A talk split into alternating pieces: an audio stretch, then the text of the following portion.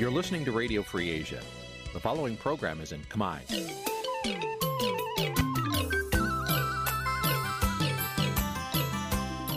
នេះជាកម្មវិធីផ្សាយ Vuthu Azizi Serai នេះជាកម្មវិធីផ្សាយរបស់ Vuthu Azizi Serai ជាភាសាខ្មែរ Vuthu Azizi Serai សូមស្វាគមន៍លោកអ្នកនាងទាំងអស់ពីរដ្ឋធានី Washington នៃសហរដ្ឋអាមេរិក បាទខ្ញុំបាទយ៉ងច័ន្ទដារាសូមជម្រាបសួរលោកអ្នកនាងអ្នកស្ដាប់ Vuthu Azizi Serai ទាំងអស់ជាទីមេត្រីខ្ញុំបាទសូមជូនកម្មវិធីផ្សាយសម្រាប់ព្រឹកថ្ងៃអាទិត្យ2រោចខែស្រាប ឆ្នាំខាលចត្វាស័កពុទ្ធសករាជ2566ត្រូវនឹងថ្ងៃទី14ខែសីហា គ្រិស្តសករាជ2022បាទជាដំបូងនេះសូមអញ្ជើញអស់លោកអ្នកនាងស្ដាប់ព័ត៌មានប្រចាំថ្ងៃដែលមានមេត្តាដូចតទៅ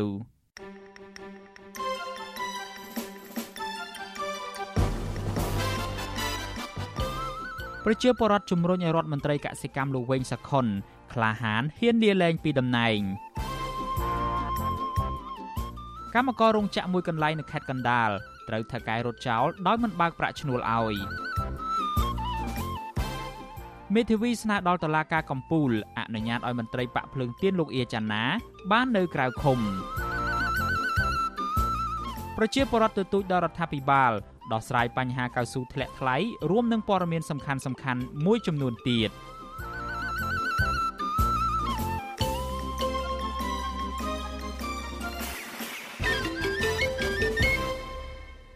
បាទជាបន្តទៅទៀតនេះខ្ញុំបាទយ៉ងច័ន្ទដារាសូមជូនព័ត៌មានទាំងនេះពឹស្ដា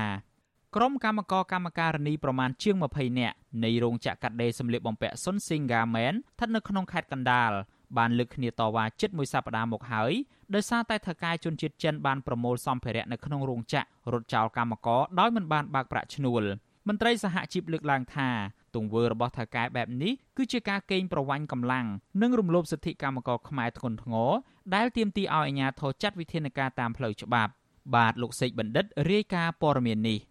ក្រុមកម្មករកម្មការនីនៃរោងចក្រកាត់ដេរសម្លៀកបំពាក់ស៊ុនស៊ីងហ្គាមិនស្ថិតនៅក្នុងភូមិព្រៃខ្លា ឃុំក្រាមកៈស្រុកអង្គស្នូលខេត្តកណ្ដាលឲ្យដឹងថាថៅកែដែលជាជនជាតិចិន បានប្រមូលគ្រឿងចក្រមានម៉ាស៊ីននិងសម្ភារៈផ្សេងផ្សេងចេញពីរោងចក្រស្ងាត់ស្ងាត់តាំងពីថ្ងៃទី10ខែសីហាតំណាងកម្មករលោកភូសុភ័ណ្ឌប្រាប់បទសុអាស៊ីសេរីនៅថ្ងៃទី13ខែសីហាថាកាលពីថ្ងៃទី25កក្កដាកន្លងទៅថៅកែដែលជាជនជាតិចិនទាំងពីរនាក់ប្តីប្រពន្ធដែលគ្រប់គ្រងរោងចក្រកាត់ដេរសម្លៀកបំពាក់ស៊ុនស៊ីងហ្គាមិនប្រាប់កម្មករថា ក្នុងរោងចក្រអស់សម្ភារៈដូចជាក្រណាត់ជាដើមដែលមិនអាចឲ្យកម្មករបន្តការងារកាត់ដេរនេះតទៅទៀតបានឡើយលោកបន្តថាថៅកែស្រីជនជាតិចិននៃរោងចក្រនេះក៏បានឲ្យក្រុមកម្មករទាំងអស់រងចាំបើកប្រាក់ឈ្នួលសម្រាប់ខែកក្កដានៅថ្ងៃទី10ខែសីហាលោកថារហូតមកទល់នឹងថ្ងៃទី10ខែសីហាក្រុមកម្មករទាំងអស់បានរងចាំបើកប្រាក់ខែនៅខាងមុខរោងចក្រពេញមួយថ្ងៃ ក៏ប៉ុន្តែមិនឃើញមានវត្តមានថៅកែជួនចិត្តចិនទាំងពីរនាក់ប្តីប្រពន្ធនោះឡើយក្រោយមកទៀតលោកនិងកម្មករដទៃទៀតបានសម្រេចចូលទៅខាងក្នុងរោងចក្រទើបដឹងថាថៅកែជួនជាតិចិនទាំងពីរនាក់ប្តីប្រពន្ធបានប្រមូលសម្ភារៈមួយចំនួនធំរត់ចោលកម្មករដោយមិនបានដោះស្រាយបញ្ហាប្រាក់ឈ្នួលនោះឡើយលោកបញ្ជាក់ថាមកដល់ពេលនេះកម្មកររងសម្ពាធទាំងផ្លូវកាយនិងផ្លូវចិត្តដោយសារតែពួកគាត់គ្មានប្រាក់បង់ថ្លៃឈ្នួលផ្ទះ ហើយម្ចាស់បំណុលគឺធនាគារគេក៏បានប្រមានរឹបអូសទ្រព្យសម្បត្តិជាបន្តបន្ទាប់ពេលគាត់ធ្វើអញ្ចឹងមានអារម្មណ៍មួយថាមិនសប្បាយចិត្តដែរបងការងារអត់មានធ្វើហើយប្រាក់ខែមិនបើកទៀតតែអ្នកខ្លះគ្នាទីទាល់អត់ជួនកាលសម្បីរកតែលុយទិញមកហូបប្រចាំថ្ងៃមិនសងមានហងខ្លះគាត់យំគាត់អីដល់ពេលអញ្ចឹងមានអ្នកខ្លះឥឡូវតែមកខ្ញុំថាគាត់ឈឺអត់មានលុយបងឲ្យរត់បងអីអញ្ចឹងណាកម្មការនីម្នាក់ទៀតគឺលោកស្រីជាវសុធារីខកចិត្តចំពោះថៅកែជូនចិត្តចិនបរទេស ដែលមករកស៊ីនៅលើទឹកដីខ្មែរបែជាមិនគោរពច្បាប់កម្ពុជា ហើយថែមទាំងកេងប្រវ័ញ្ចកម្លាំងពលកម្មប្រជាពលរដ្ឋដែលជាម្ចាស់ស្រុកថែមទៀតផងលោកស្រីថាក្រោយពីដឹងថាថៅកែបានរត់ចោលកម្មករទាំងអស់ទាំងមិនទាន់បើកប្រាក់ឈ្នួលឲ្យនោះបានជំរុញឲ្យលោកស្រី និងកម្មករដទៃទៀតដើរស្វែងរកកិច្ចអន្តរាគមន៍ពីអាជ្ញាធរស្រុកអង្គស្នួលដោយមិនបានរកការងារថ្មីធ្វើដើម្បីមានចំណូលដោះស្រាយបញ្ហាជីវភាពគ្រួសារនោះឡើយ។បើគាត់ជាជនជាតិចិនសោះគាត់មករកទីស្រុកខ្មែរយើងបើគាត់រត់ហើយយើងនៅតែអត់មានដំណោះស្រាយចំពោះគាត់ទេគាត់ទៅមកកន្លែងទៀតគាត់ធ្វើអញ្ចឹងទៀតបងប្រហែលជាគាត់គិតថាអូកម្មករតិចឯងធ្វើអីគាត់អត់ចេញទេតែអញ្ចឹងគឺគាត់ទៅស្រួលណាស់ខ្ញុំដំបងបងខ្ញុំទៅដាក់ពាក្យប្តឹងហើយខ្ញុំទៅអង្គុយមុខរោងចក្រមួយថ្ងៃពីរថ្ងៃហើយខ្ញុំមកដល់ផ្ទះខ្ញុំយកម៉ូតូទៅចាំយកទៅបង់ធនាគារមិនសាមញ្ញអញ្ចឹងបាត់ថាគឺសម្ពាធខ្លាំងក្រុមកម្មករឲ្យដឹងទៀតថា កាលពីថ្ងៃទី11ខែសីហាពួកគាត់ក៏បានដាក់ពាក្យបណ្ដឹងទៅកាន់អភិបាលស្រុកអង្គស្នួលនិងសាលាឃុំក្រាមកៈដើម្បីឲ្យចាត់មន្ត្រីតាមស៊ើបអង្កេតលើករណីថៅកែជួនចិត្តចិនទាំងពីរអ្នកប្តីប្រពន្ធមកឲ្យទទួលខុសត្រូវចំពោះប្រាក់ខែកម្មករប៉ុន្តែរហូតមកទល់នឹងពេលនេះក្រុមកម្មករថាពួកគាត់មិនបានទទួលដំណឹងឆ្លើយតបណាមួយពីអាជ្ញាធរទាំងនោះឡើយក្រុមកម្មករឲ្យដឹងទៀតថា ថៅកែដែលជាប្តីប្រពន្ធគ្រប់គ្រងរោងចក្រកាត់ដេរសម្លៀកបំពាក់ស៊ុនស៊ីងហ្គាមិន មានឈ្មោះជេនជីនីង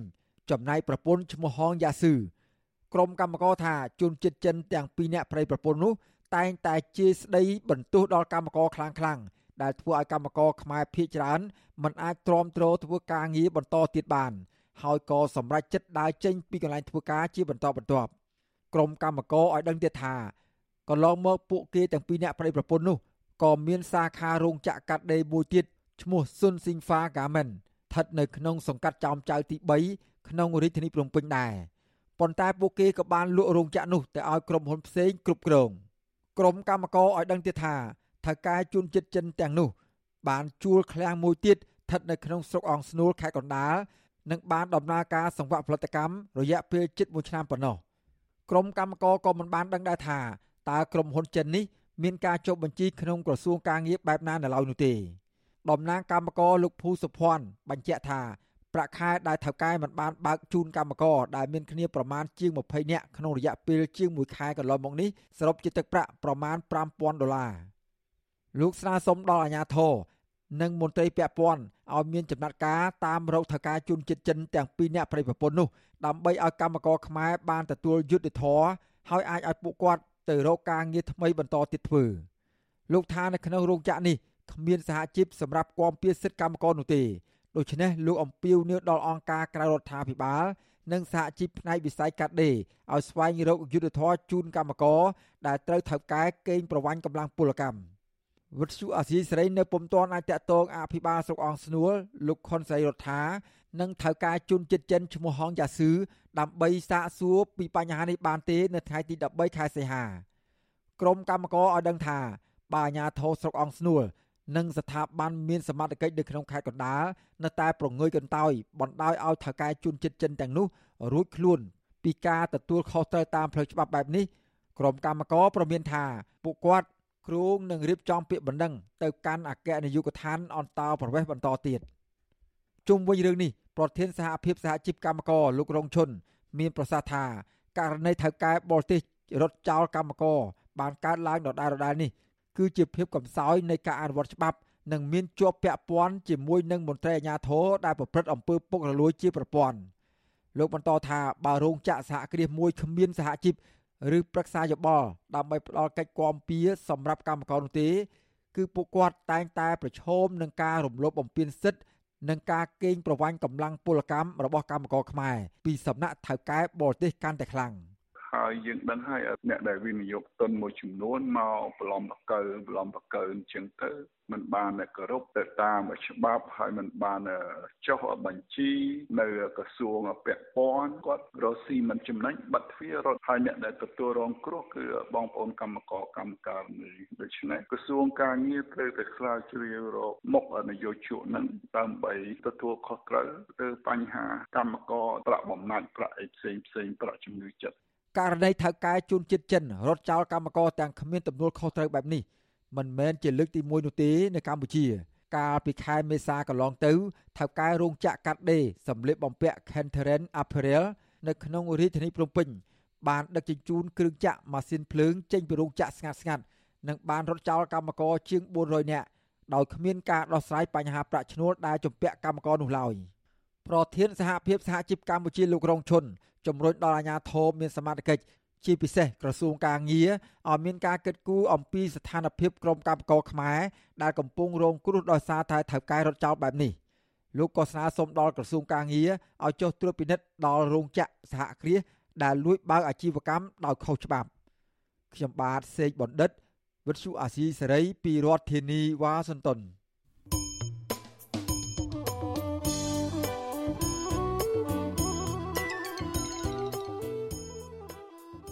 លោកអ្នកនាងជាទីមេត្រីដំណើរគ្នានឹងស្ដាប់ការផ្សាយវិទ្យុអាស៊ីសេរីតាមបណ្ដាញសង្គម Facebook និង YouTube លោកអ្នកនាងក៏អាចស្ដាប់កម្មវិធីផ្សាយរបស់វិទ្យុអាស៊ីសេរីតាមរលក ធាតុអាកាសខ្លីឬ Shortwave តាមកម្រិតនិងកម្ពស់ដូចតទៅនេះពេលព្រឹកចាប់ពីម៉ោង5កន្លះដល់ម៉ោង6កន្លះតាមរយៈរលក ធាតុអាកាសខ្លី12140 kHz ស្មើនឹងកម្ពស់ 25m និង13715 kHz ស្មើនឹងកម្ពស់ 22m ពេលយប់ចាប់ពីម៉ោង7កន្លះដល់ម៉ោង8កន្លះតាមរយៈរលកធាតុអាកាសខ្លី9960 kHz ស្មើនឹងកម្ពស់ 30m 12140 kHz ស្មើនឹងកម្ពស់ 25m និង11885 kHz ស្មើនឹងកម្ពស់ 25m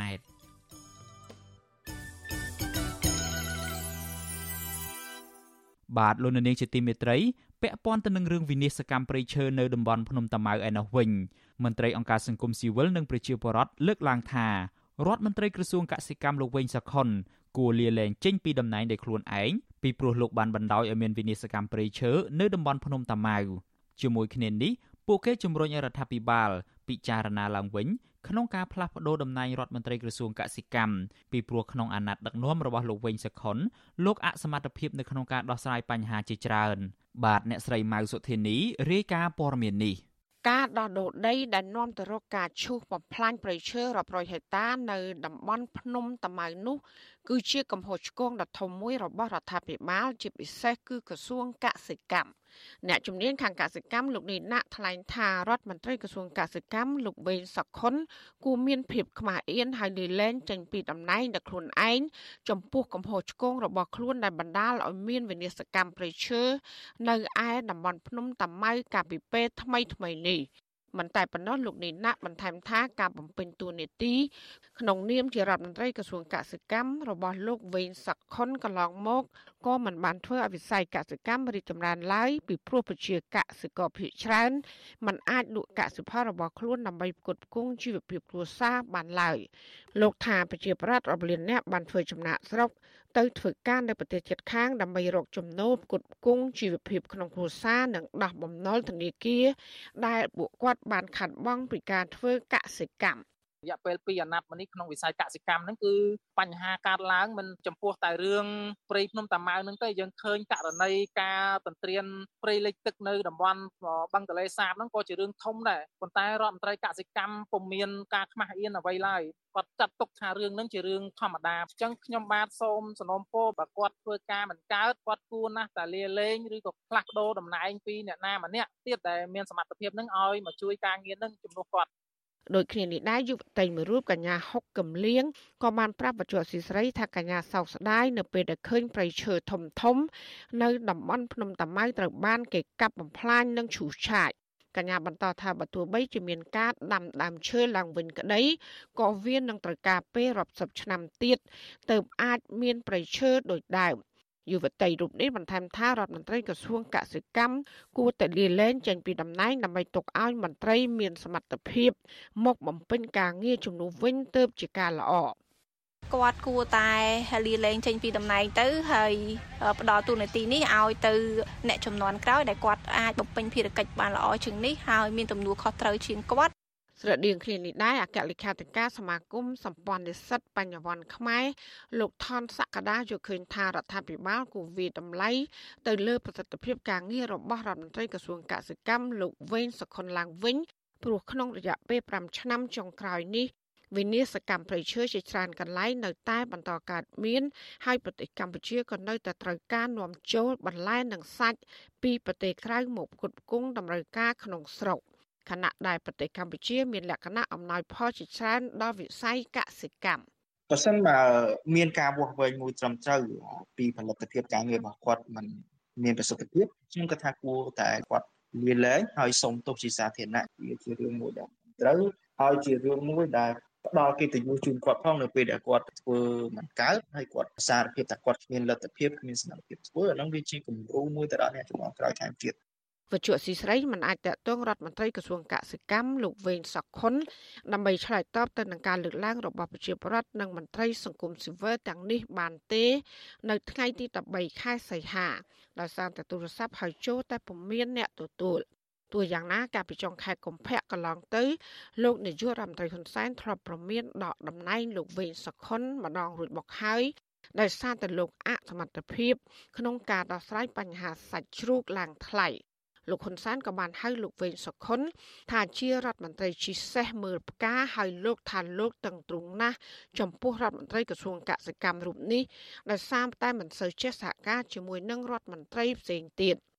តកតងនឹងការឈូសបំផ្លាញព្រៃតំបន់ភ្នំតាម៉ៅនេះ សកម្មជនគណៈបកសង្គ្រោះជាតិលោកជួនឌឿនលើកឡើងថាអ្នកទទួលខុសត្រូវចំពោះវិនិស្សកម្មប្រៃឈើនៅតំបន់ភ្នំតាម៉ៅមិនមែនត្រឹមតែរដ្ឋមន្ត្រីក្រសួងកសិកម្មនោះទេគឺលោកនាយករដ្ឋមន្ត្រីហ៊ុនសែនផ្ទាល់តែម្ដង ដែលជាអ្នកចេញអនុក្រឹត្យដោះដូរដីនៅតំបន់ភ្នំតាម៉ៅឲ្យក្រុមហ៊ុនឯកជន លោកយល់ថាលោកហ៊ុនសែនក៏គួរតែលាលែងពីតំណែងជានាយករដ្ឋមន្ត្រីផងដែរដោយសារតែលោកគឺជាអ្នកទទួលខុសត្រូវខ្ពស់បំផុត បង្កឲ្យមានអំពើពុករលួយជាប្រព័ន្ធនិងនាំឲ្យមានវិនាសកម្មធនធានធម្មជាតិទូទាំងប្រទេសលោកហ៊ុនសែនគួរតែលាលែងចេញពីតំណែងល្អចឹងព្រោះឯងធ្វើខ្លួនឯងប្រព្រឹត្តខ្លួនឯងហើយអត់មានទទួលខុសត្រូវខ្លួនឯង ដីព្រៃនៅតំបន់ភ្នំតាម៉ៅជាង400ហិកតាដែលប្រជាពលរដ្ឋនិងអង្គការសម្ព័ន្ធមិត្តសត្វព្រៃចូលរួមការពារជាង20ឆ្នាំមកហើយនោះត្រូវបានក្រុមហ៊ុនលេងនវត្រាឈូសឆាយត្រឹមតែរយៈពេលតែមួយសប្តាហ៍ចាប់តាំងពីថ្ងៃទី1ដល់ថ្ងៃទី7ខែសីហាកន្លងទៅ ក្នុងពេលដែលឈូសឆាយដីព្រៃនៅតំបន់ភ្នំតាម៉ៅនោះមតិមហាជនជាច្រើនក៏បានទាមទារឲ្យក្រុមហ៊ុន បញ្ឈប់ការឈូសឆាយដីព្រៃតំបន់ភ្នំតាម៉ៅព្រោះព្រៃនៅតំបន់នេះគឺជាជំរកសត្វព្រៃចិត្តផុតពូជជាច្រើន ហើយវាក៏បានផ្ដល់អនុផលប្រៃឈើដល់ប្រជាប្រដ្ឋរស់នៅតំបន់នោះដែរក៏ប៉ុន្តែនៅថ្ងៃទី4ខែសីហារដ្ឋបាលព្រៃឈើនៃក្រសួងកសិកម្មរុក្ខាប្រមាញ់និងនេសាទ ក៏បានចេញសេចក្តីប្រកាសព័ត៌មាន ថាដីនៅតំបន់ភ្នំតាម៉ៅពោពេញទៅដោយដីខ្សាច់មានតែដើមអាកាសាព្រៀងខ្យល់ហើយមានតែជ្រូកព្រៃបំផ្លាញដំណាំប្រជាប្រដ្ឋទៅវិញ។ សកម្មជននិងសង្គមស៊ីវិលតែងលើកឡើងថាការមិនទទួលខុសត្រូវទៅលើកំហុសឆ្គងរបស់ថ្នាក់ដឹកនាំក្នុងជួររដ្ឋាភិបាលនេះគឺជាគំរូអាក្រក់ដល់មន្ត្រីថ្នាក់ក្រោមហើយវាក៏ជាបញ្ហាចម្បង ដែលមិនអាចនាំឲ្យមានអភិបាលកិច្ចល្អនិងការអភិវឌ្ឍប្រកបដោយចីរភាពចាននាងខ្ញុំម៉ៃសុធានីវັດឈូអាស៊ីស្រីប្រធានាធិបតី Washington អាស៊ីសេរី បាទលោកនៅនាងជាទីមេត្រីកសិករដាំកៅស៊ូនៅខេត្តត្បូងឃ្មុំត្អូញត្អែថាពួកគាត់ជួបទុក្ខលំបាកនៅក្នុងជីវភាពប្រចាំថ្ងៃដោយគ្មានប្រាក់ដោះស្រាយជីវភាពគ្រួសារនោះទេពីព្រោះតែតម្លៃកៅស៊ូចុះថោក មន្ត្រីអង្គការសង្គមស៊ីវិលយល់ថានៅក្នុងស្ថានភាពបែបនេះរដ្ឋាភិបាលគួរតែរកទីផ្សារលក់កសិផល ក្នុងតម្លៃសមរម្យជូនប្រជាពលរដ្ឋដើម្បីឲ្យស្របទៅនឹងគោលនយោបាយជាតិនៅក្នុងការជួយកសិករបាទលោកអ្នកនាងនឹងបានស្ដាប់សេចក្តីរាយការណ៍នេះពឹស្ដានាពេលបន្តិចទៀតនេះ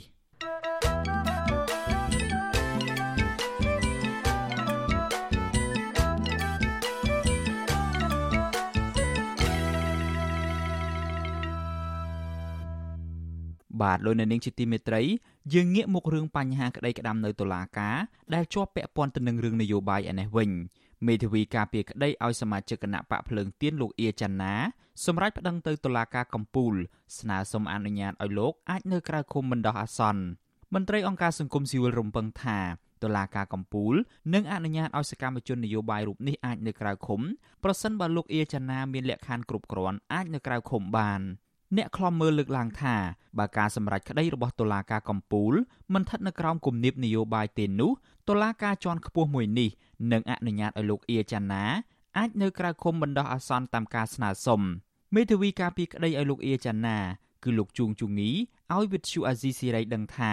លោកបានត្រៀមខ្លួនដើម្បីតតាំងក្តីនៅតុលាការដើម្បីការពារសិទ្ធិកូនក្តីរបស់លោកមេធាវីរូបនេះលើកឡើងថា លោកអេចាណាបានចូលមកក្នុងប្រទេសកម្ពុជាកាលពីចុងខែឧសភា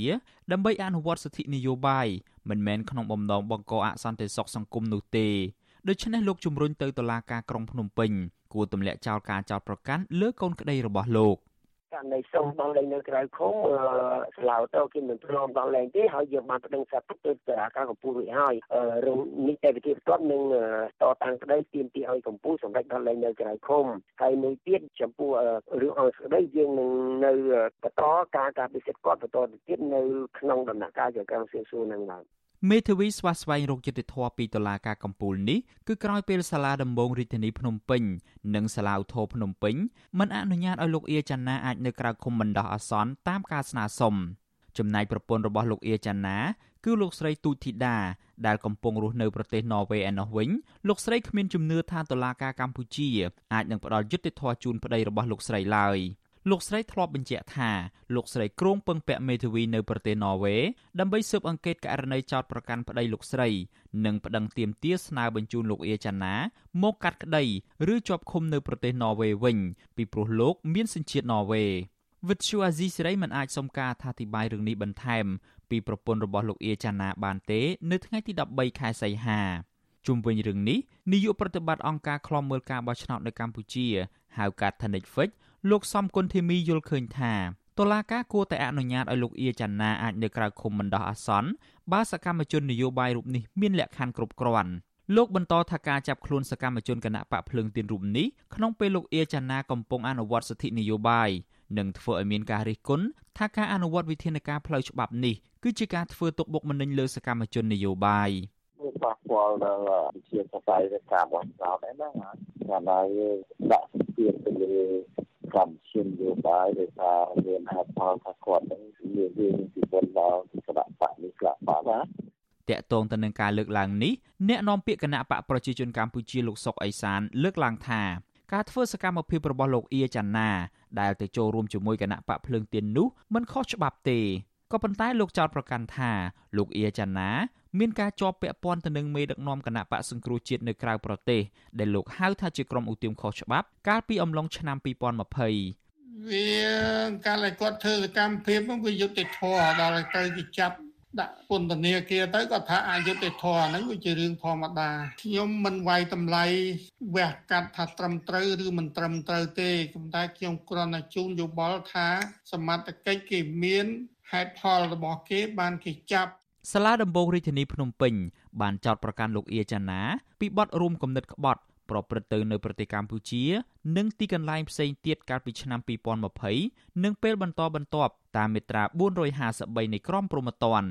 ការចាប់ខ្លួនលោកអៀចាណានេះគឺអំឡុងពេលសកម្មជននយោបាយរូបនេះបានចូលរួមយុទ្ធនាការរកសម្លេងឆ្នោតឲ្យគណៈបកភ្លើងទៀនកាលពីការបោះឆ្នោតឃុំសង្កាត់អាណត្តិទី5កន្លងទៅពេលចាប់ខ្លួននោះ សមត្ថកិច្ចមិនបានបង្ហាញដីកានោះទេ ហើយតុលាការទើបបង្ហាញដីកាមួយថ្ងៃក្រោយការចាប់ខ្លួនគឺកាលពីថ្ងៃទី30ខែឧសភាបច្ចុប្បន្ននេះលោកអៀចាណាកំពុងជាប់ឃុំនៅគុកព្រៃសរដែលសំណុំរឿងនេះកំពុងស្ថិតនៅក្នុងដៃចក្រមស៊ើបសួរទោះជាយ៉ាងណា អ្នកខ្លំមើលចាត់ទុកថាការចាប់ឃុំខ្លួនលោកអៀចាណានេះមិនខុសពីសកម្មជននយោបាយផ្សេងទៀតនោះទេ គឺជាការធ្វើទុកបុកម្នេញផ្នែកនយោបាយដែលផ្ទុយពីគោលការណ៍ច្បាប់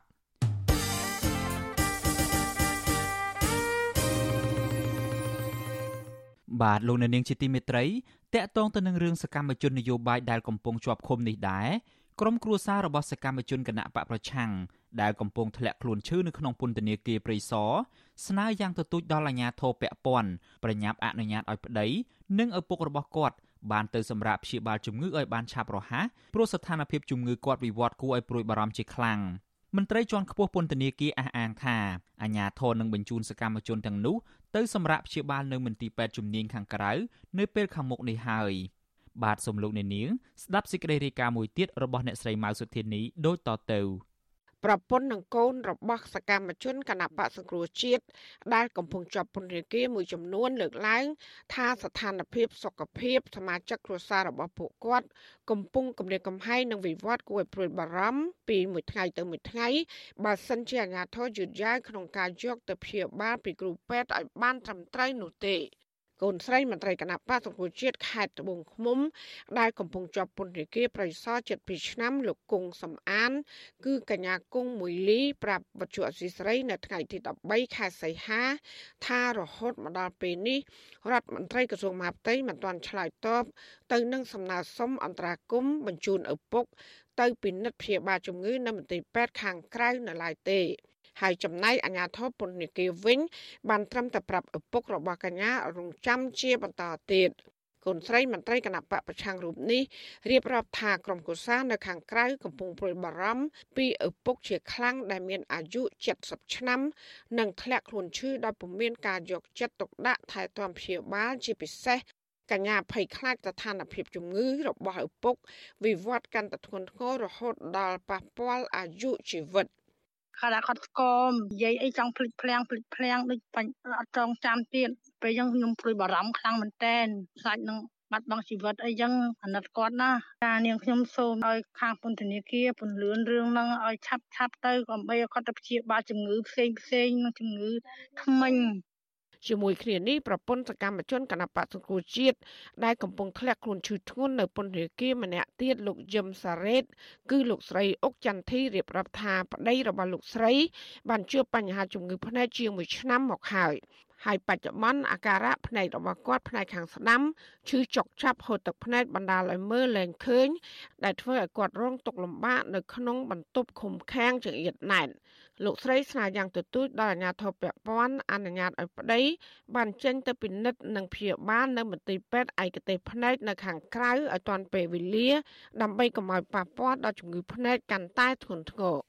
ក្រុមគ្រួសារពួកខ្ញុំជាដើមហ្នឹងសូមឲ្យគាត់មានការយកចិត្តទុកដាក់ទៅហើយសូមឲ្យយកគាត់មកពិនិត្យខាងក្រៅទៅព្រោះអីនៅខាងក្នុងនោះដូចដឹងស្រាប់ហើយគឺអត់មានជំនាញពេទ្យជំនាញឯណាដែលអាចទទួលពិនិត្យគាត់ថាដឹងរោគវិនិច្ឆ័យរូប គាត់នឹងថាត្រូវទទួលការវះកាត់ឬគាត់ត្រូវព្យាបាលយ៉ាងម៉េចគឺអត់មានទេក្រៅទៅពីលោកកុងសំអាននិងលោកយឹមសារ៉េតក្នុងនោះក៏មានសកម្មជនបពប្រឆាំងមួយចំនួនទៀតកំពុងធ្លាក់ខ្លួនឈឺនិងជួបបញ្ហាសុខភាពរ៉ាំរ៉ៃប្រចាំកាយដោយសារតែស្ថានភាពបន្ទប់ឃុំឃាំងតូចចង្អៀតខ្វះអនាម័យបរិយាកាសអាប់អួរអាហារហូបចុកមិនគ្រប់គ្រាន់ដែលធ្វើឲ្យពួកគេងាយប្រឈមនឹងជំងឺផ្សេងផ្សេងៗ ឆ្លើយតបរឿងនេះអ្នកនាំពាក្យអគ្គនាយកដ្ឋានពន្ធនាគារនៃក្រសួងមហាផ្ទៃលោកនុតសាវណ្ណាប្រាប់បច្ចុប្បន្នស៊ីស្រីថាបរិយាញ្ញាបានអនុញ្ញាតឲ្យលោកគង់សំអាន បានចេញទៅព្យាបាលជំងឺភ្នែកនៅខាងក្រៅពន្ធនាគារហើយលោកបន្តថាមន្ត្រីពន្ធនាគារនឹងបញ្ជូនគាត់ទៅព្យាបាលនៅមន្ទីរពេទ្យផ្នែកថ្មិញដែលជាដៃគូសហការជាមួយពន្ធនាគារនៅថ្ងៃច័ន្ទទី15ខែសីហាខាងមុខ ចំណែកឯសកម្មជនគណៈបពប្រឆាំងដែលកំពុងជាប់ឃុំម្នាក់ទៀតគឺលោកយឹមសរ៉េតវិញលោកក៏បានអះអាងថាលទ្ធផលតេស្តពីមន្ទីរពិសោធន៍បង្ហាញថាគាត់ពុំមានបញ្ហាសុខភាពធ្ងន់ធ្ងរនោះឡើយប៉ុន្តែមន្ត្រីរបស់លោកនឹងបញ្ជូនគាត់ទៅព្យាបាលបញ្ហាស្រវាំងភ្នែកនៅមន្ទីរពេទ្យជំនាញដោយមិនបណ្ដោយឲ្យជនជាប់ឃុំណាម្នាក់មានបញ្ហាសុខភាពធ្ងន់ធ្ងរនោះឡើយបាននិយាយជាមួយសៀមមណ្ឌលហើយគាត់យកចិត្តទុកដាក់ណាជាមួយ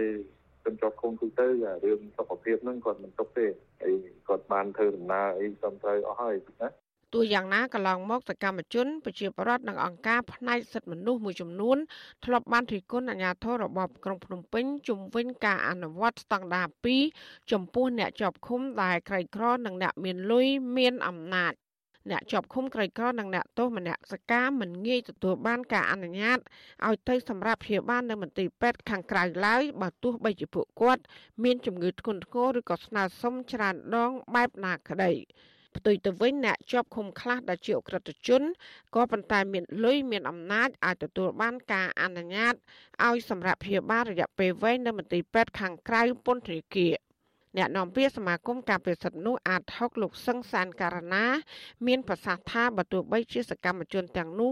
បាត់បង់សេរីភាពក៏ដោយក៏ប៉ុន្តែបញ្ហាសុខភាពរបស់ពួកគេ គឺជារឿងសំខាន់ដែលអាជ្ញាធរពន្ធនាគារត្រូវយកចិត្តទុកដាក់និងផ្ដល់ការពិនិត្យព្យាបាលជំងឺជាបន្ទាន់ដើម្បីកុំឲ្យប៉ះពាល់ដល់សុខភាពរហូតគ្រោះថ្នាក់ដល់អាយុជីវិត។ លោកសង្សានករណាយល់ឃើញថាបើសិនជាអាញាធរខ្វះការយកចិត្តទុកដាក់ឬក៏គ្រឹះអើងចំពោះសកម្មជនទាំងនោះអាចជាផ្នែកមួយដើម្បីបំបាក់ស្មារតីនយោបាយរបស់ពួកគាត់ ចំណុចទាំងអស់នេះមន្ត្រីដែលមានសមត្ថកិច្ចទទួលខុសត្រូវទៅលើបញ្ហាសុខភាពរបស់អ្នកជាប់ពន្ធនាគារហ្នឹងគួរតែមានការដុតដៃដុតជើងយកចិត្តទុកដាក់ក្នុងការជួយពន្លឿនដើម្បីឲ្យពួកគាត់មានឱកាសក្នុងការព្យាបាលឲ្យបានទាន់ពេលវេលា មកដល់ពេលនេះមានសកម្មជនគណបកប្រឆាំងជាង60នាក់ទៀតកំពុងជាប់ឃុំក្នុងពន្ធនាគារដោយសារតែការអនុវត្តសិទ្ធិនយោបាយរបស់ពួកគាត់ពួកគាត់ភ័យច្រានត្រូវបានអាជ្ញាធរចាប់ខ្លួនជាបន្តបន្ទាប់កាលពីដើមឆ្នាំ2020តឡាការក៏បានចាប់ប្រកាន់ពួកគេដោយដូចគ្នា ពីបទរួមកំណត់ក្បត់ញុះញង់ឲ្យយោធិនមិនស្ដាប់បង្គាប់ និងញុះញង់ឲ្យប្រព្រឹត្តបទអក្រិតជាអាត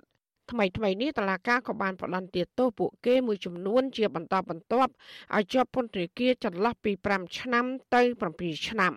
ប៉ុន្តែសកម្មជននយោបាយខ្លះតម្រូវឲ្យអនុវត្តទោស3ឆ្នាំ8ខែដោយទោសនៅសល់ត្រូវព្យួរ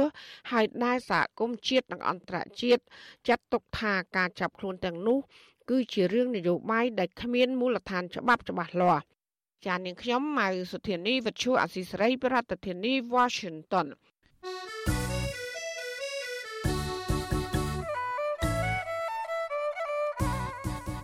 លោកអ្នកនាងកញ្ញាជាទីមេត្រីក្រៅពីការតាមដានកម្មវិធីផ្សាយរបស់ Vuthu Azizi Siri តាមបណ្ដាញសង្គម Facebook YouTube Telegram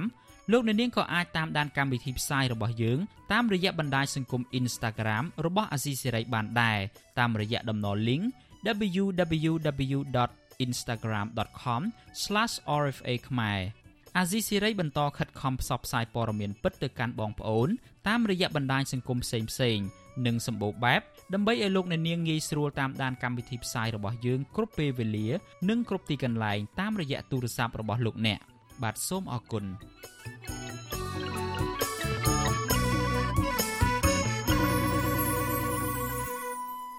លោកអ្នកនាងកំពុងស្ដាប់ការផ្សាយរបស់ Vuthu Azizi Siri ពីរដ្ឋធានី Washington សហរដ្ឋអាមេរិក ពាក់ព័ន្ធទៅនឹងបញ្ហាចំនួនដីធ្លីឯណោះវិញតំណាងប្រជាពលរដ្ឋមានចំនួនដីធ្លីនៅខេត្តកោះកុងជិត200គ្រួសារស្នើសុំសាលាឧទ្ធរប្រសេះហនុបដិសេធសាលក្រមរបស់តុលាការខេត្តកោះកុងដែលបានសម្រេចឲ្យលោកស្រីដេតហួរជាប់ពន្ធនាគាររយៈពេល1ឆ្នាំ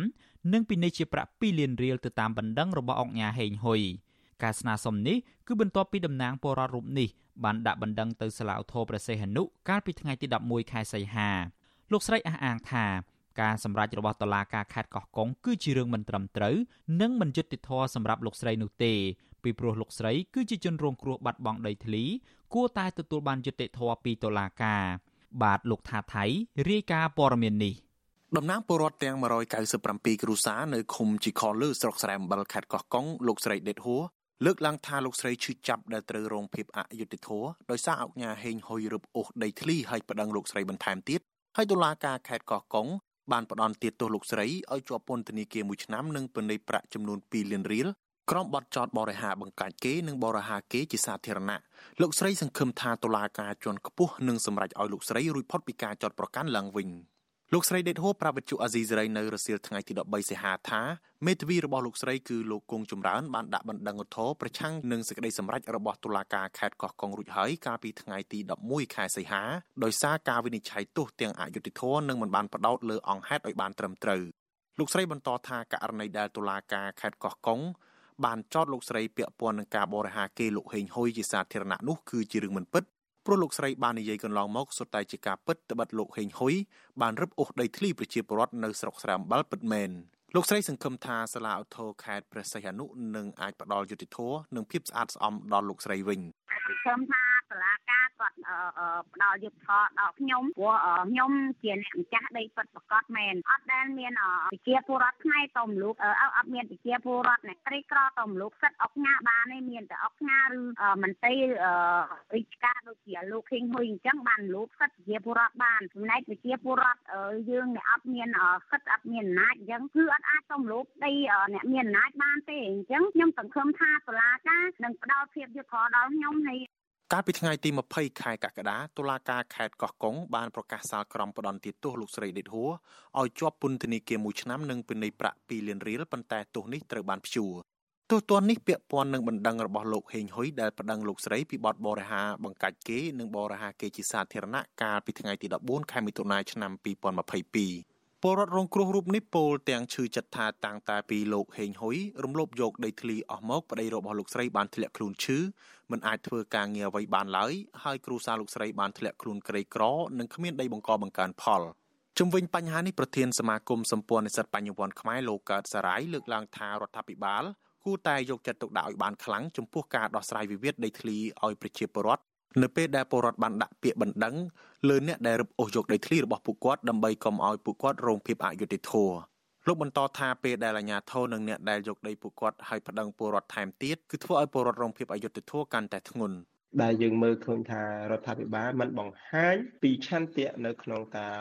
បំរើដល់ផលប្រយោជន៍រាជធំទេជាជាងដែលព្យាយាមផ្ដល់នៅការសម្បទានទាំងផ្នែកច្បាប់ក្តីទាំងផ្នែកអំណាចក្តីនឹងដល់តែពួកឈ្មួញពួកក្រុមហ៊ុនពួកអ្នកវិនិយោគទុនអាហ្នឹងហើយដែលយើងមើលឃើញថាទោះជាមានការធ្លាប់ជួលរួមដោះស្រាយមានឆន្ទៈនៅក្នុងការដោះស្រាយក៏ដោយតែវាជាកម្រិតទាបបំផុតមកពីខាងភាគីរដ្ឋាភិបាលផ្ទុយទៅវិញគឺមានតែការលៀបពណ៌បន្ថែមទៅលើប្រជាពលរដ្ឋពេលដែលរងគ្រោះដោយសាររឿងដីធ្លីអីជាដើមនោះ ពលរដ្ឋអះអាងថាក្រុមហ៊ុនហេងហ៊ុយ Agriculture របស់លោកហេងហ៊ុយបានរំលោភយកដីស្រែចម្ការរបស់ពួកគាត់ទាំងអស់ចំនួនជាង1000ហិកតាតាំងពីឆ្នាំ2007ហើយពាក្យបណ្ដឹងរបស់ប្រជាពលរដ្ឋដែលបានដាក់ទៅក្រសួងរៀបចំដែនដីជាច្រើនលើកហើយនោះមិនត្រឹមតែក្រសួងមិនបានដោះស្រាយទេថែមទាំងបង្គាប់ដល់សមត្ថកិច្ចឲ្យតាមរោគមុខនិងចាត់វិធានការច្បាប់លើបុគ្គលណាដែលនាំពលរដ្ឋទាំង197គ្រួសារឡើងមកតវ៉ានៅរាជធានីភ្នំពេញទៀតផងក្រៅពីលោកស្រីដេតហួរនេះ មានតំណាងពលរដ្ឋ8នាក់ទៀតក៏កំពុងជាប់បណ្ដឹងនៅតុលាការដែររួមមានលោកស្រីកើតនៅលោកស្រីអិនធូលោកស្រីអ៊ីបតឹងនិងលោកឆាន់ឈឿនជាដើមពួកគាត់រងការចោទប្រកាន់ពីករណីគឺបទបរិហាគេនិងញុះញង់ឲ្យប្រព្រឹត្តអំពើបង្កមានភាពវឹកវរធ្ងន់ធ្ងរដល់សន្តិសុខសង្គមពលរដ្ឋនិងមន្ត្រីសង្គមស៊ីវិលយល់ថាការប្រើប្រាស់ប្រព័ន្ធតុលាការនេះគឺដើម្បីដាក់សម្ពាធឲ្យពួកគាត់បញ្ឈប់ការតវ៉ាទាមទារយកដីធ្លីដែលត្រូវបានអង្គការហេងហ៊ុយរំលោភយកទៅទាំងបំពេញនោះ ខ្ញុំថាថៃពីទីក្រុងមែលប៊នលោកអ្នកនាងជាទីមេត្រីវិទ្យុអាស៊ីសេរីសូមជូនដំណឹងថាយើងគ្មានអ្នកយកព័ត៌មានប្រចាំនៅប្រទេសកម្ពុជាទេប្រសិនបើមានជនណាម្នាក់អះអាងថាជាអ្នកយកព័ត៌មានឲ្យវិទ្យុអាស៊ីសេរីនៅកម្ពុជា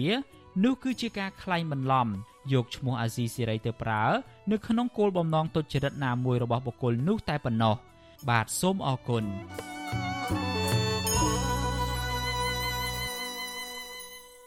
បាទលោកនៅនាងជាទីមេត្រីពាក់ព័ន្ធទៅនឹងរឿងសន្តិសុខសង្គមឯណោះវិញលបែងស៊ីសងតាមប្រព័ន្ធអនឡាញជាច្រើនប្រភេទកំពុងផ្ទុះឡើងនៅកម្ពុជា ដែលបង្កការព្រួយបារម្ភសម្រាប់មន្ត្រីអង្គការសង្គមស៊ីវិលព្រះសង្ឃនិងយុវជន ដែលអាចបង្កអសន្តិសុខនិងសេចក្តីវិនាសដល់ប្រជាពលរដ្ឋខ្មែរ ពួកគាត់ស្នើឲ្យរដ្ឋាភិបាលទប់ស្កាត់លបែងប្រភេទនេះកុំឲ្យរីករាលដាលនៅក្នុងសង្គមតទៅទៀតបាទលោកជាតិចំណានរាយការណ៍ព័ត៌មាននេះ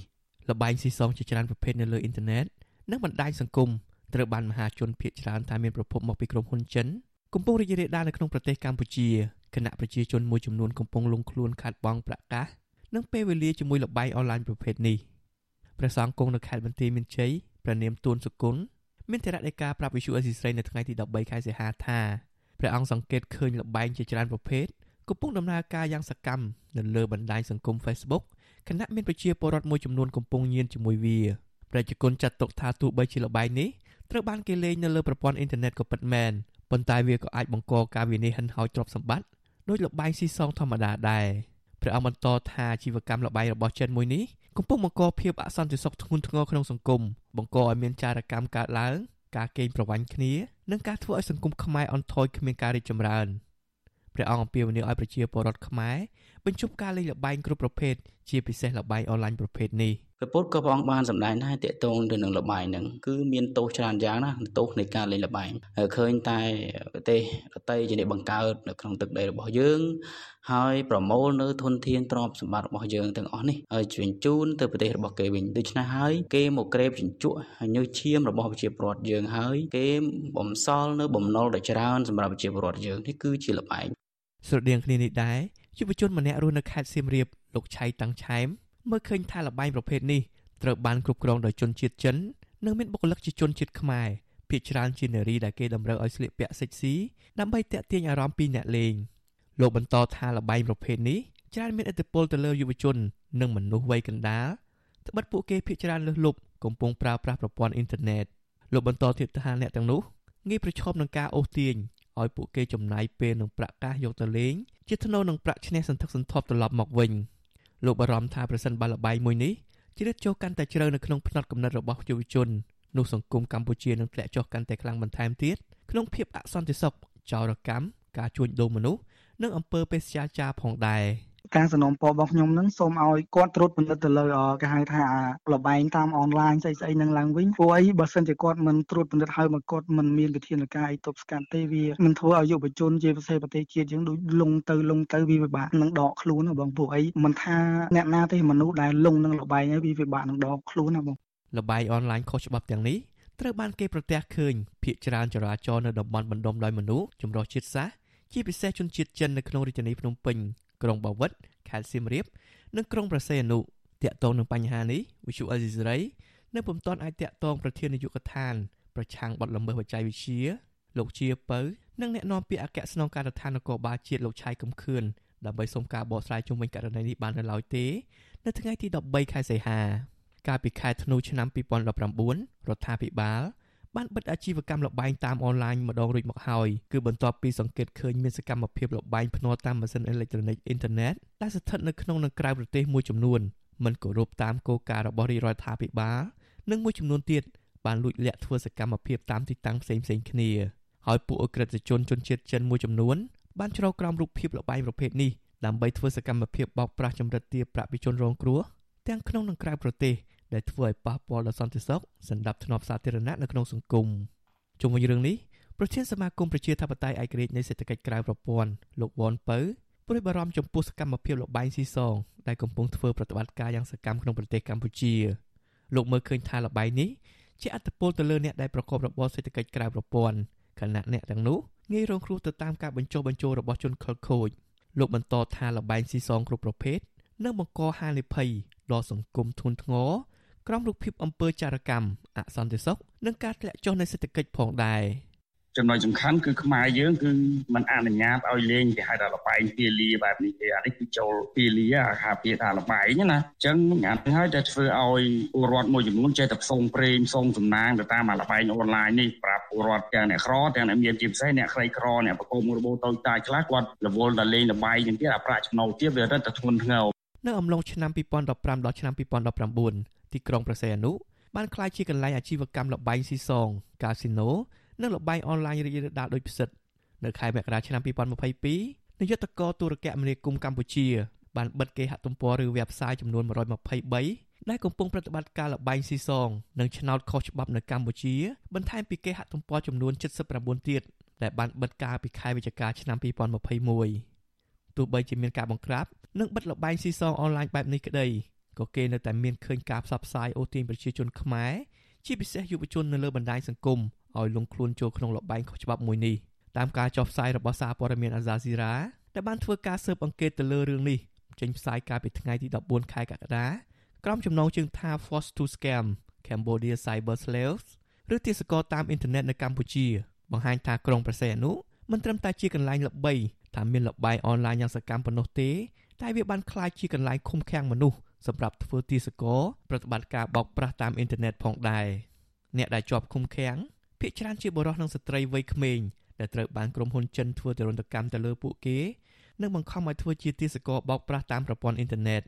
សារព័ត៌មានអន្តរជាតិមួយនេះក៏បង្ហាញថាក្រុមហ៊ុនចិនបោកប្រាស់ទាំងនោះក៏មានបណ្ដាញពាក់ព័ន្ធជាមួយមន្ត្រីធំៗក្នុងជួររដ្ឋាភិបាលកម្ពុជា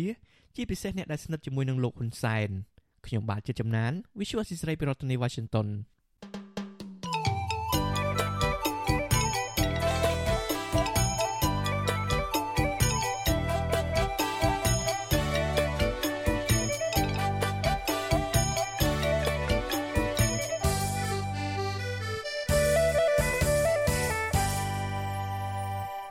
បាទលោកនាងជាទីមេត្រីតកតងទៅនឹងរឿងសត្វដំរីវិញ ការសិក្សាស្រាវជ្រាវដ៏ធំមួយជាលើកដំបូងបានរកឃើញថាចំនួនសត្វដំរីអាស៊ីមានច្រើនជាងការរំពឹងទុកនៅក្នុងដែនជម្រកសត្វព្រៃឡង់ដែនជម្រកសត្វព្រៃឆែបនិងព្រៃព្រះរកានៃខេត្តព្រះវិហារនៅក្នុងឱកាសប្រារព្ធទិវាដំរីពិភពលោកកាលពីថ្ងៃទី12ខែសីហាទីភ្នាក់ងារសហរដ្ឋអាមេរិកសម្រាប់ការអភិវឌ្ឍអន្តរជាតិឬ USAID និងអង្គការសត្វព្រៃនិងរុក្ខជាតិអន្តរជាតិ បានប្រកាសថាដំរីអាស៊ីនៅភាគខាងជើងនៃប្រទេសកម្ពុជា មានភាពចម្រុះហ្សែនខ្ពស់បំផុតក្នុងពិភពលោកគេប៉ាន់ប្រមាណថានៅតំបន់ព្រៃឡង់មានដំរីអាស៊ីប្រហែល31ក្បាល និង20ក្បាលផ្សេងទៀតនៅតំបន់ឆែបនិងព្រៃព្រះរកាគេហទំព័ររបស់ទីភ្នាក់ងារសហរដ្ឋអាមេរិកសម្រាប់ការអភិវឌ្ឍអន្តរជាតិ USAID ផ្សាយកាលពីថ្ងៃទី12សីហាថាដោយសារតែមានវិធានការគាំពៀនិងអភិរក្ស នៅតំបន់ដែនជម្រកសត្វព្រៃឡង់ដែនជម្រកសត្វព្រៃឆែបនិងព្រៃព្រះរកានេះហើយទើបវងដំរីអាស៊ីអាចរស់រានមានជីវិតនៅក្នុងរយៈពេលវែងបាន។ USAID នឹងបន្តការងារបន្ថែមទៀតដោយសហការជាមួយក្រសួងបរិស្ថាន សហគមន៍និងវិស័យឯកជន ដើម្បីការពារនិងអភិរក្សវងដំរីអាស៊ីទាំងនោះដែលកំពុងរស់នៅថ្លែងក្នុងពិធីយុទ្ធនាការអន្តៈសូននៅក្នុងខេត្តកំពង់ធំកាលពីថ្ងៃទី12ខែសីហា រដ្ឋលេខាធិការក្រសួងបរិស្ថានលោកណេតភក្ត្រាអះអាងថាក្រសួងបរិស្ថានត្រូវការថវិកាប្រមាណ40លានដុល្លារអាមេរិកដើម្បីអភិរក្សសត្វដំរីអាស៊ីនៅក្នុងរយៈពេល10ឆ្នាំដើម្បីដោះស្រាយបញ្ហាអតិភិបជាច្រើនរួមមានកាត់បន្ថយការបាត់បង់ទីជម្រកពង្រឹងការអនុវត្តច្បាប់អប់រំផ្សព្វផ្សាយនិងទប់ស្កាត់មិនឲ្យមានការចាប់ដំរីព្រៃមុខចិញ្ចឹមការសិក្សាស្រាវជ្រាវនិងការតាមដានត្រួតពិនិត្យចំនួនដំរីអាស៊ីជាដើម បច្ចុប្បន្នកម្ពុជាមានដំរីអាស៊ីចន្លោះពី400ទៅ600ក្បាល ដែលភាគច្រើនរស់នៅក្នុងតំបន់ជួរភ្នំក្រវាញតំបន់ព្រៃឡង់និងតំបន់ខ្ពង់រាបភាគខាងកើតក្នុងខេត្តមណ្ឌលគិរីនិងខេត្តរតនគិរីដែលជាតំបន់ជីវៈចម្រុះដ៏សម្បូរបែបព្រមទាំងទីជម្រាលអំណោយផលដល់ការរស់នៅរបស់វងសត្វដំរី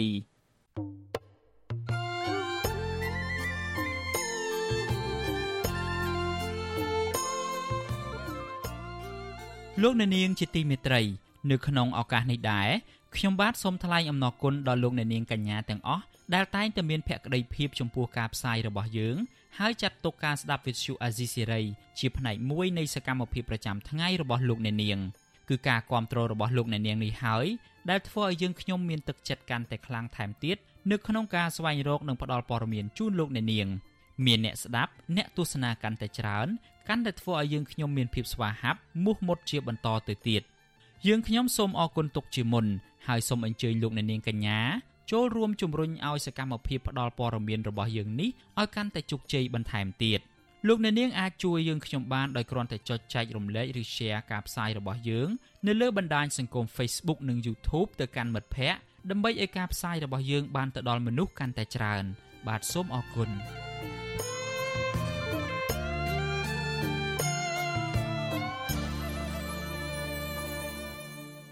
បាទលោកនៅនាងជាទីមេត្រីពាក់ព័ន្ធទៅនឹងបញ្ហាអនុទានវិញក្រុមហ៊ុន Credit Bureau Cambodia និងសាជីវកម្មធានាអនុទានកម្ពុជា សហការគ្នាគ្រប់គ្រងដល់សហគ្រិនស្ត្រីនិងសហគ្រាសធុនតូចនិងមធ្យមតាមរយៈការលើកកម្ពស់ការធានាដល់ផ្នែកអនុទានគេហទំព័ររបស់សាជីវកម្មធានាអនុទានកម្ពុជាឲ្យដឹងថាក្នុងពិធីចុះហត្ថលេខាលើអនុសារណៈនៃការយោគយល់គ្នា កាលពីថ្ងៃទី11ខែសីហា ក្រុមហ៊ុន Credit Bureau និងសាជីវកម្មធានាអនុទានកម្ពុជាបញ្ជាក់ថាតាមរយៈកិច្ចសហប្រតិបត្តិការរវាងក្រុមហ៊ុនទាំងពីរគម្រោងនេះនឹងពង្រីកលទ្ធភាពទទួលបានអនុទានដើម្បីវាយតម្លៃប្រាក់កម្ចីប្រកបដោយតម្លាភាពបន្ថែមទៀតដល់ស្ត្រីនិងសហគ្រាសធុនតូចនិងមធ្យម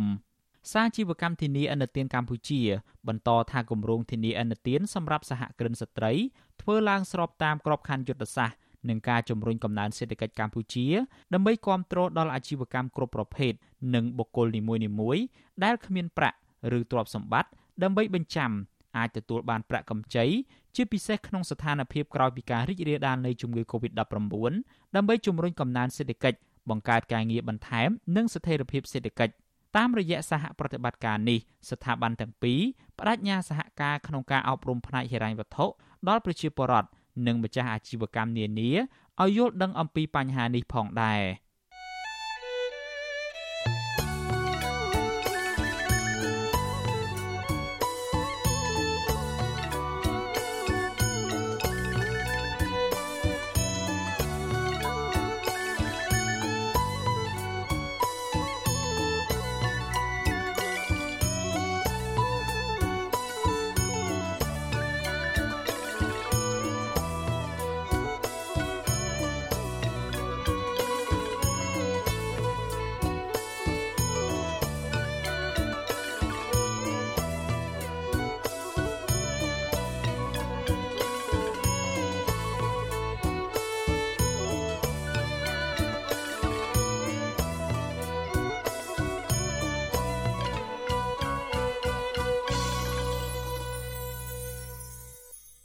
លោកនៅនាងជាទីមេត្រីយើងងាកទៅមើលបញ្ហាជីវភាពរបស់ប្រជាកសិករឯណោះវិញកសិករដាំកៅស៊ូនៅខេត្តត្បូងឃ្មុំត្អូញត្អែថាពួកគាត់ជួបទុក្ខលំបាកនៅក្នុងជីវភាពប្រចាំថ្ងៃដោយគ្មានប្រាក់ដោះស្រាយជីវភាពគ្រួសារនោះទេពីព្រោះតែតម្លៃកៅស៊ូចុះថោក មន្ត្រីអង្គការសង្គមស៊ីវិលយល់ថានៅក្នុងស្ថានភាពបែបនេះរដ្ឋាភិបាលគួរតែរកទីផ្សារលក់កសិផល ក្នុងតម្លៃសមរម្យជូនប្រជាពលរដ្ឋដើម្បីឲ្យស្របទៅនឹងគោលនយោបាយជាតិនៅក្នុងការជួយកសិករបាទលោកសេកបណ្ឌិតរាយការណ៍ព័ត៌មាននេះកសិករដាំកៅស៊ូនៅខេត្តត្បូងឃ្មុំលើកឡើងថាជ័រកៅស៊ូគ្មានទីផ្សារជាក់លាក់អាស្រ័យទៅលើតែឈ្មួញអ្នកដាក់តម្លៃដែលធ្វើឲ្យពួកគាត់ លក់មិនបានប្រាក់ចំណេញដោះស្រាយជីវភាពគ្រួសារឡើយពួកគេជំរុញទៅដល់រដ្ឋាភិបាលឲ្យស្វែងរកវិនិយោគទុនបរទេសដើម្បីឲ្យកៅស៊ូមានតម្លៃសមរម្យឡើងវិញកសិករដាំកៅស៊ូនៅឃុំជួមស្រុកមេមត់លោកឆៃវិតប្រាប់វិទ្យុអាស៊ីសេរីនៅថ្ងៃទី3សីហាថាលោកព្រួយបារម្ភពីជីវភាពខ្វះខាត ក្នុងពេលដែលត្រូវចំណាយប្រចាំថ្ងៃឲ្យកូនរៀនមហូបអាហារសាំងនិងសម្ភារៈសម្រាប់កសិកម្ម លោកបន្តថាកសិករដាំកៅស៊ូពិបាករកទីផ្សារក្នុងការលក់កសិផលកៅស៊ូហើយមានតម្លៃទាបដែលមិនអាចទូទាត់ការចំណាយពលកម្មថែទាំនិងថ្លៃជីនោះទេ លោកឆៃវិតអះអាងថាតម្លៃជីឆ្នាំមុនតម្លៃត្រឹមតែ120,000រៀលប៉ុន្តែតម្លៃជីនៅឆ្នាំនេះបានឡើងដល់225,000រៀលក្នុងមួយការុង លោកឆៃវិតអំពាវនាវដល់រដ្ឋាភិបាលឲ្យជួយរកទីផ្សារលក់ផលិតផលកៅស៊ូនៅក្នុងតម្លៃមួយសមរម្យជូនដល់កសិករដាំកៅស៊ូនិងស្វះស្វែងរកយន្តការបញ្ចុះតម្លៃទំនិញនៅលើទីផ្សារ។ បញ្ហារឿងសេដ្ឋកិច្ចទីផ្សារពិបាកក្នុងការលក់វាអត់សមមាត្រនៅក្នុងការយើងចំណាយប្រចាំថ្ងៃព្រោះវាថោកមិនត្រឹមតែថោកទេគឺពិបាកលក់ទៀតហើយយកទៅលក់នៅយូននឹងស្អែកតែយូនជាអ្នកឲ្យតម្លៃជាអ្នកកំណត់តម្លៃកស៊ូរាល់ថ្ងៃតែ2200ទៅ2003អស់ថ្លៃពេកឲ្យត្រឹម2003មានវៀតណាមមកទិញផ្ទាល់ខ្លះហើយបងប្អូនខ្មែរយើងនៅនឹងគេមានលុយមានកាក់អញ្ចឹងគេរស់ស៊ីជាមួយយូនហ្នឹងគឺគាត់គេទិញដែរតម្លៃហ្នឹងគឺលើជិះម៉ូតូដើររស់អ្នកទិញទៀតពួកខ្ញុំជិះម៉ូតូដឹកជឿអញ្ចឹងដើរលក់លក់ដូចលក់ត្រីហ្នឹងស្រដៀងគ្នានេះដែរកសិករដាំកៅស៊ូនៅឃុំជួមស្រុកមេមត់លោកដឹកម៉ាំងប្រាប់ថាតម្លៃជ័រកៅស៊ូថោកធ្វើឲ្យលោកព្រួយបារម្ភចំពោះបញ្ហាបំណុលធនាគារលោកបន្តថាជ័រកៅស៊ូគ្មានទីផ្សារលក់ក្នុងតម្លៃសមរម្យដែលធ្វើឲ្យកសិករដាំកៅស៊ូជួបបញ្ហាវិបត្តិសេដ្ឋកិច្ចប្រចាំថ្ងៃលោកបន្តថាតម្លៃជីនៅតាមព្រំដែនមានតម្លៃថ្លៃ ហើយត្រូវបង់ប្រាក់ជូនដល់មន្ត្រីប្រចាំការនៅតាមព្រំដែនក៏ថ្លៃនាំឲ្យការចំណាយកាន់តែច្រើនប៉ុន្តែតម្លៃលក់កសិផលចេញវិញមិនស្មើនឹងការទូទាត់ដើមទុនដែលចំណាយនោះទេលោកបញ្ជាក់ថាតម្លៃកៅស៊ូបច្ចុប្បន្នតែ2200រៀលទៅ2300រៀលសម្រាប់ជ័រ6យប់ចំណែកជ័រមួយយប់តម្លៃត្រឹមតែ1500រៀលគឺមានការធ្លាក់ចុះខ្លាំងបើធៀបតម្លៃពីឆ្នាំមុន។ បាក់រកទីផ្សារយើងលក់អត់ដល់កន្លែងយូរទេយើងលក់បានតែទឹមគ្នាយើងយើងលក់កន្លែងយូរហ្នឹងអ្នកទិញទៅហ្នឹងក៏អត់បានឃើញផ្លែអញ្ជីងដែរព្រោះយូរឲ្យចូលយើងទៅដល់ព្រំដែនហ្នឹងយូរនឹងវាមកទទួលជីលមកយើងទៅថ្លឹងតែម្នាក់ឯងវាលុយវាគិតឲ្យយើងប្រមាណប្រមាណអានោះវានិយាយតាមទូរស័ព្ទវាឲ្យតម្លៃប៉ុន្តែដល់ពេលផ្លែអញ្ជីងវាឲ្យយើងមើលដាក់មកប្រមាណប៉ុណ្ណឹងឲ្យអញ្ជីងឆ្លើយតបនឹងបញ្ហានេះប្រធានមន្ត្រីពាណិជ្ជកម្មខេត្តត្បូងឃ្មុំលោកតូចសុខុនលើកឡើងថាសេដ្ឋកិច្ចទីផ្សារសេរី មិនដូចសេដ្ឋកិច្ចផែនការនោះទេ គឺពលរដ្ឋមានសិទ្ធិលក់ឲ្យឈ្មួញណា ដែលមានតម្លៃថ្លៃជាង ហើយតម្លៃគឺមិនថិតថេរនោះទេ អាស្រ័យទៅលើសេដ្ឋកិច្ចសកល ដែលមានតម្រូវការកស៊ូខ្ពស់លោកតូចសខនបន្តថាតម្លៃកស៊ូមិនចុះថោកនោះទេលោកបញ្ជាក់ថាការនាំចេញមិនមែនមានតែទៅវៀតណាមនោះទេ គឺវៀតណាមគ្រាន់តែជាប្រទេសឆ្លងកាត់ប៉ុណ្ណោះ ពីការកស៊ូវាជាមិនធ្លាក់ទេបងមានធ្លាក់ដែរវាមានកស៊ូតឡហ្នឹង6000វាលើកប៉ះវាចន្លោះឡើង6200អីចឹង5008វាតម្លៃហ្នឹងវាឡើងចុះតិចតួចវាចុះវាឡើងចឹងហើយបើអាចារ្យហ្នឹងវា3000តម្លៃជីវាដោយសារយើងមានបរិបទដូចជាគ្រាមនៅអ៊ុក្រែនអញ្ចឹងទៅវាធ្វើឲ្យតម្លៃការដឹកជញ្ជូនផលិតវត្ថុធាតុដើមមួយចំនួនយើងមានការប៉ះពាល់ការងារលើសេដ្ឋកិច្ចនេះដែរអញ្ចឹងបានតម្លៃពេលទៅឡើងថ្លៃប៉ះពាល់ទៅលើចង្វាក់ផលិតកម្មផ្សេងផ្សេងដែលពាក់ព័ន្ធទៅនឹងពេលអ៊ីនធឺណិតអញ្ចឹងវាឡើងតាមនឹងដែរការដឹងជូនរបស់គាត់ក៏វាមានតែការប្រែប្រួលតម្លៃនេះជារឿងសកលមិនជារឿងពេលខ្មែរយើងតែមួយទូទៅអញ្ចឹងជាលក្ខណៈសកលជុំវិញរឿងនេះមន្ត្រីឃ្លាំមើលការរំលោភសិទ្ធិមនុស្សនិងដេកធ្លីនៃសមាគមអាត60ប្រចាំខេត្តត្បូងឃ្មុំ និងខេត្តកំពង់ចាមលោកលេងសេងហានពន្យល់ថាកសិករដាំកៅស៊ូពិតជាមានការត្អូញត្អែពីទុកលំបាក គឺមានន័យថាពួកគាត់មានជីវភាពខ្វះខាតទើបត្អូញត្អែពីតម្លៃជ័រកៅស៊ូចុះថោកលោកបន្តថាកសិករដាំកៅស៊ូព្រួយបារម្ភថាក្រោយពីតម្លៃប្រេងឡើងថ្លៃធ្វើឲ្យពលរដ្ឋនិងកសិករដាំកៅស៊ូជួបការលំបាកច្រើន ដោយតម្លៃទំនិញតម្លៃជីមានតម្លៃថ្លៃប៉ុន្តែកសិផលលក់ចេញមានតម្លៃថោកដែលធ្វើឲ្យសេដ្ឋកិច្ចគ្រួសាររបស់ប្រជាពលរដ្ឋកាន់តែដុនដាបពីមួយថ្ងៃទៅមួយថ្ងៃ លោកលេងសេងហាន ថាអាញាធររដ្ឋត្រូវធានាដល់ពលរដ្ឋនៅក្នុងការរកទីផ្សារជាក់លាក់សមស្របទៅតាមរដ្ឋធម្មនុញ្ញមិនមែនឲ្យតែពលរដ្ឋស្វែងរកទីផ្សារដោយខ្លួនឯងនោះទេ ក្នុងគោលការណ៍ច្បាប់គេបានកំណត់អំពីគោលការណ៍ជាក់លាក់ជាពិសេសនៅក្នុងរដ្ឋធម្មនុញ្ញទោះបីជាពលរដ្ឋមានសិទ្ធិលក់ដូរផលិតផលរបស់គាត់ដោយសេរីក៏ដោយប៉ុន្តែនៅក្នុងមាត្រា61នៅក្នុងរដ្ឋធម្មនុញ្ញហ្នឹងគេនិយាយអំពីកាតព្វកិច្ចរបស់រដ្ឋគេថារដ្ឋជំរុញការអភិវឌ្ឍសេដ្ឋកិច្ចគ្រប់វិស័យជាពិសេសកសិកម្មសិប្បកម្មហ្នឹងហើយមួយទៀតនៅក្នុងមាត្រា62ហ្នឹងក៏បាននិយាយដែរថារដ្ឋយកចិត្តទុកដាក់ជួយដោះស្រាយមធ្យោបាយផលិតការពារថ្លៃផលិតផលជូនកសិករសិប្បករនឹងជួយរកទីផ្សារលក់ផលិតផលអញ្ចឹងមានន័យថាច្បាប់គេបានចងនៅកាតព្វកិច្ចរបស់គាត់ទៅធានាឲ្យបាននៅនិរន្តរភាពតម្លៃនៅលើទីផ្សារទោះបីជាវាមានហេតុផលនេះហេតុផលនោះក៏ដោយប៉ុន្តែបើឲ្យពលរដ្ឋរកទីផ្សារខ្លួនឯងចុះមានគោលការណ៍ច្បាប់ចែងមកទៅអីមាត្រា60នៃរដ្ឋធម្មនុញ្ញចែងថាពលរដ្ឋមានសិទ្ធិលក់ដូរផលិតផលរបស់ខ្លួនដោយសេរី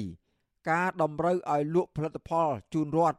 ឬការយកភោគផលឬទ្រព្យសម្បត្តិឯកជនទៅប្រើប្រាស់ទោះបីជាមួយរយៈពេលក៏ដោយក៏ត្រូវហាមឃាត់វាលែងតែក្នុងករណីពិសេសដែលមានច្បាប់អនុញ្ញាតមាត្រា62នៃរដ្ឋធម្មនុញ្ញចែងទៀតថារដ្ឋយកចិត្តទុកដាក់ជួយដោះស្រាយមធ្យោបាយផលិត ការពារថ្លៃផលិតផលជូនដល់កសិករសិប្បករនិងជួយរកទីផ្សារលក់ផលិតផល សង្គមស៊ីវិលយល់ថារដ្ឋាភិបាលត្រូវមានគោលការណ៍ច្បាស់លាស់ ក្នុងការលក់កសិផលនិងមានទំនុកចិត្តពេលគាត់បង្កប្រកាន់ផលរដ្ឋាភិបាលត្រូវយល់អំពីកាតព្វកិច្ចរបស់ខ្លួនចំពោះពលរដ្ឋដោយធានាថាពលរដ្ឋមិនខ្វះទីផ្សារក្នុងការលក់កសិផលរបស់ពួកគាត់នោះឡើយខ្ញុំបាទសេកបណ្ឌិតវិទ្យុអាស៊ីសេរីពីរដ្ឋធានីវ៉ាស៊ីនតោន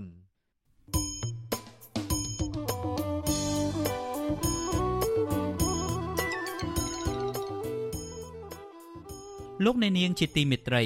ដំណើរគ្នានឹងស្ដាប់ការផ្សាយវិទ្យុអាស៊ីសេរីតាមបណ្ដាញសង្គម Facebook និង YouTube លោកអ្នកនាងក៏អាចស្ដាប់កម្មវិធីផ្សាយរបស់វិទ្យុអាស៊ីសេរីតាមរលក ធាតុអាកាសខ្លីឬ Shortwave តាមកម្រិតនិងកម្ពស់ដូចតទៅនេះពេលព្រឹកចាប់ពីម៉ោង5កន្លះដល់ម៉ោង6កន្លះតាមរយៈរលក ធាតុអាកាសខ្លី12140 kHz ស្មើនឹងកម្ពស់ 25m និង13715 kHz ស្មើនឹងកម្ពស់ 22m ពេលយប់ចាប់ពីម៉ោង7កន្លះដល់ម៉ោង8កន្លះតាមរយៈរលកធាតុអាកាសខ្លី9960 kHz ស្មើនឹងកម្ពស់ 30m 12140 kHz ស្មើនឹងកម្ពស់ 25m និង11885 kHz ស្មើនឹងកម្ពស់ 25m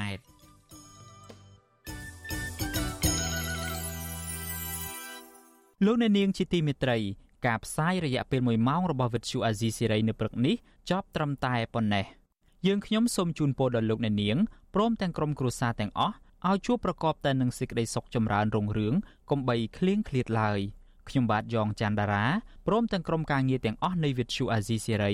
សូមអរគុណនិងសូមជម្រាបលា